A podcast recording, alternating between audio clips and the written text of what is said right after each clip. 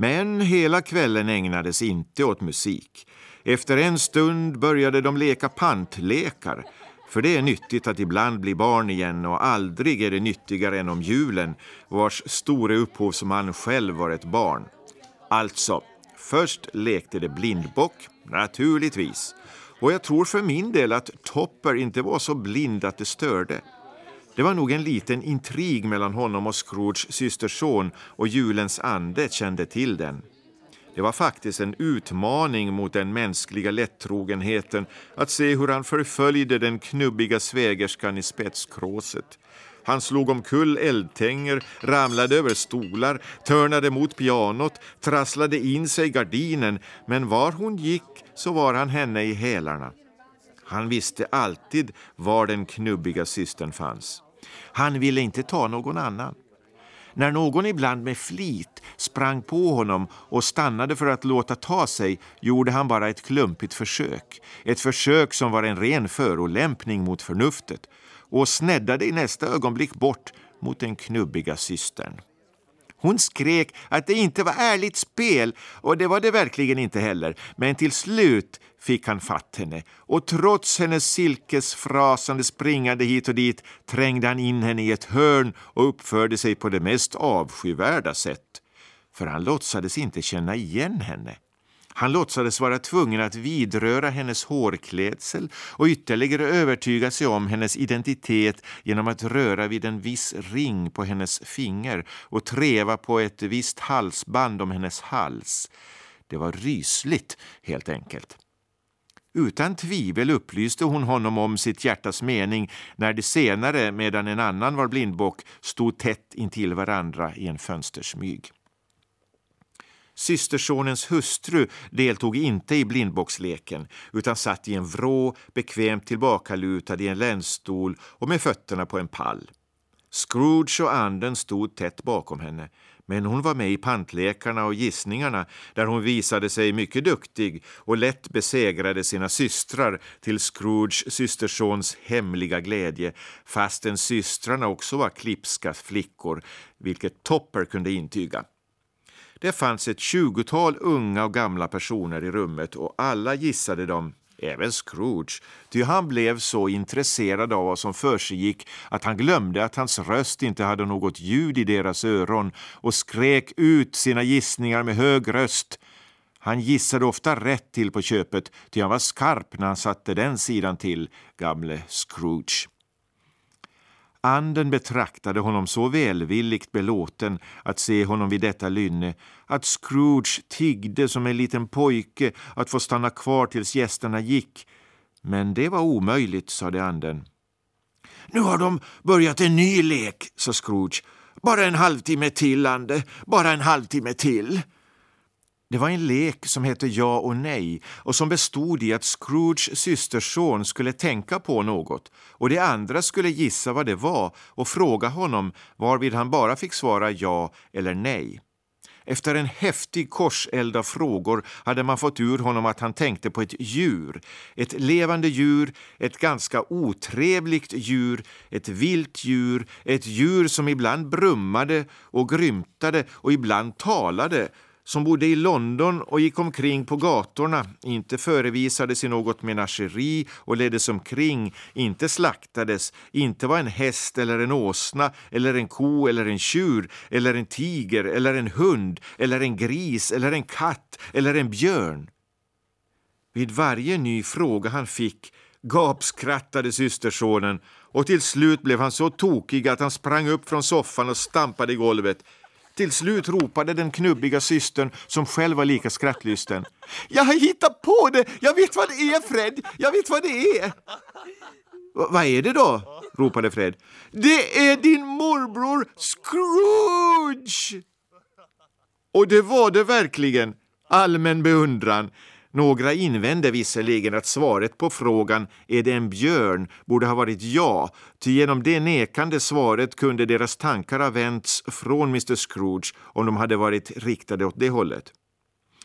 Han har skaffat oss mycket roligt och det skulle vara otacksamt att inte dricka hans skål, sade Fred. Här står ett glögglas färdigt för ändamålet och jag säger skål för morbror Scrooge. Ja, skål för morbror Scrooge, ropade alla. Jag önskar gubben en god jul och ett gott nytt år, var han än håller hus, sa Scrooges systerson. Han vill inte höra det från min mun, men han ska få det i alla fall. Skål för morbror Scrooge! Morbror Scrooge hade nu blivit så glad och lätt om hjärtat att han i hörbara ord skulle ha tackat det inte tont anande sällskapet för skålen om anden hade givit honom tid därtill. Men knappt hade hans systerson sagt det sista ordet förrän hela scenen försvann och han och anden åter var ute på sin resa. Mycket såg de. Många hem besökte de. De for vida omkring och överallt förde det glädje med sig. Anden stannade vid sjukbäddar och de sjuka kände sig uppmuntrade. Kom till ensamma i främmande länder och hemmet syntes dem nära. Till människor som kämpade mot svårigheter och det fylldes av nytt hopp. Till fattiga som kände sig rika i sin fattigdom. I fattighus, sjukhus och fängelser, i nödens alla tillflyktsorter, överallt där människor inte i sitt högmod och sin inbilskhet hade bommat för dörren och utestängt anden, skänkte han sin välsignelse och gav Scrooge nyttiga lärdomar. Det var en lång natt. Om det nu var bara en natt, ty Scrooge hyste sina tvivel om den saken och det föreföll honom som om hela julen hade pressats in i den tid de var tillsammans. Det underliga var också att medan Scrooge inte förändrades till det yttre blev anden synbart äldre och äldre. Scrooge hade länge iakttagit denna förändring utan att säga något men då de på trettondagen lämnade ett barnkalas och stod tillsammans på en öppen plats märkte han att andens hår var grått och frågade Har andar så kort liv? Mitt liv här på jorden är mycket kort, svarade anden. Det tar slut i natt. I natt? utbrast Scrooge. I natt, vid midnattstid. Hör, ögonblicket nalkas. Kyrkklockorna slog i samma ögonblick tre kvart över elva. Ursäkta om jag är närgången, sade Scrooge och tittade skarpt på andens mantel. Men vad är det för konstigt som sticker fram under follen? Det tycks inte tillhöra er. Är det en fot eller en klo? Ja, det är inte mer kött än att man kunde ta det för en klo, sade anden sorgset. Titta här! Från väcket av sin mantel drog han fram två små barn. Usla, fula, eländiga, rysliga, ömkliga varelser. De sjönk på knä vid hans fötter och klängde sig fast vid hans mantel. Å människa, se hit! Se, se! utropade anden. Det var en gosse och en flicka. Gulbleka, magra, trasiga, glupska, lömska men samtidigt krypande ödmjuka. Istället för att ungdomens hälsa skulle ha gjort deras ansikten runda och fylliga och målat dem i de friskaste färger hade en vissen och skrumpen hand kramat och vridit och pressat dem till de människotrasor de nu var. Där änglar borde ha tittat fram såg man lömskt och hotfullt sneglande jävlar Ingen förändring, inget förfall, ingen förnedring i skapelsens hela mysterium skulle ha kunnat frambringa hälften så rysliga vidunder. Scrooge ryggade förskräckt tillbaka. Han försökte säga att det var rara barn, men orden fastnade i hans strupe och ville inte låta bruka sig till en sådan oerhörd lögn. Ande, är det dina? frampressade Scrooge. Det är människans, sade anden och såg ned på dem. Och det kommer till mig med en bön från sina fäder. Gossen heter okunnighet och flickan heter nöd. Ta dig väl i akt för båda och hela deras släkte, men framför allt för gossen, för på hans panna ser jag något skrivet som kommer att bli dom om inte skriften utplånas. Förneka det, utropade anden och sträckte ut handen mot staden. Håna dem som kommer och säger det. Gå med på det för dina själviska syften och gör det värre.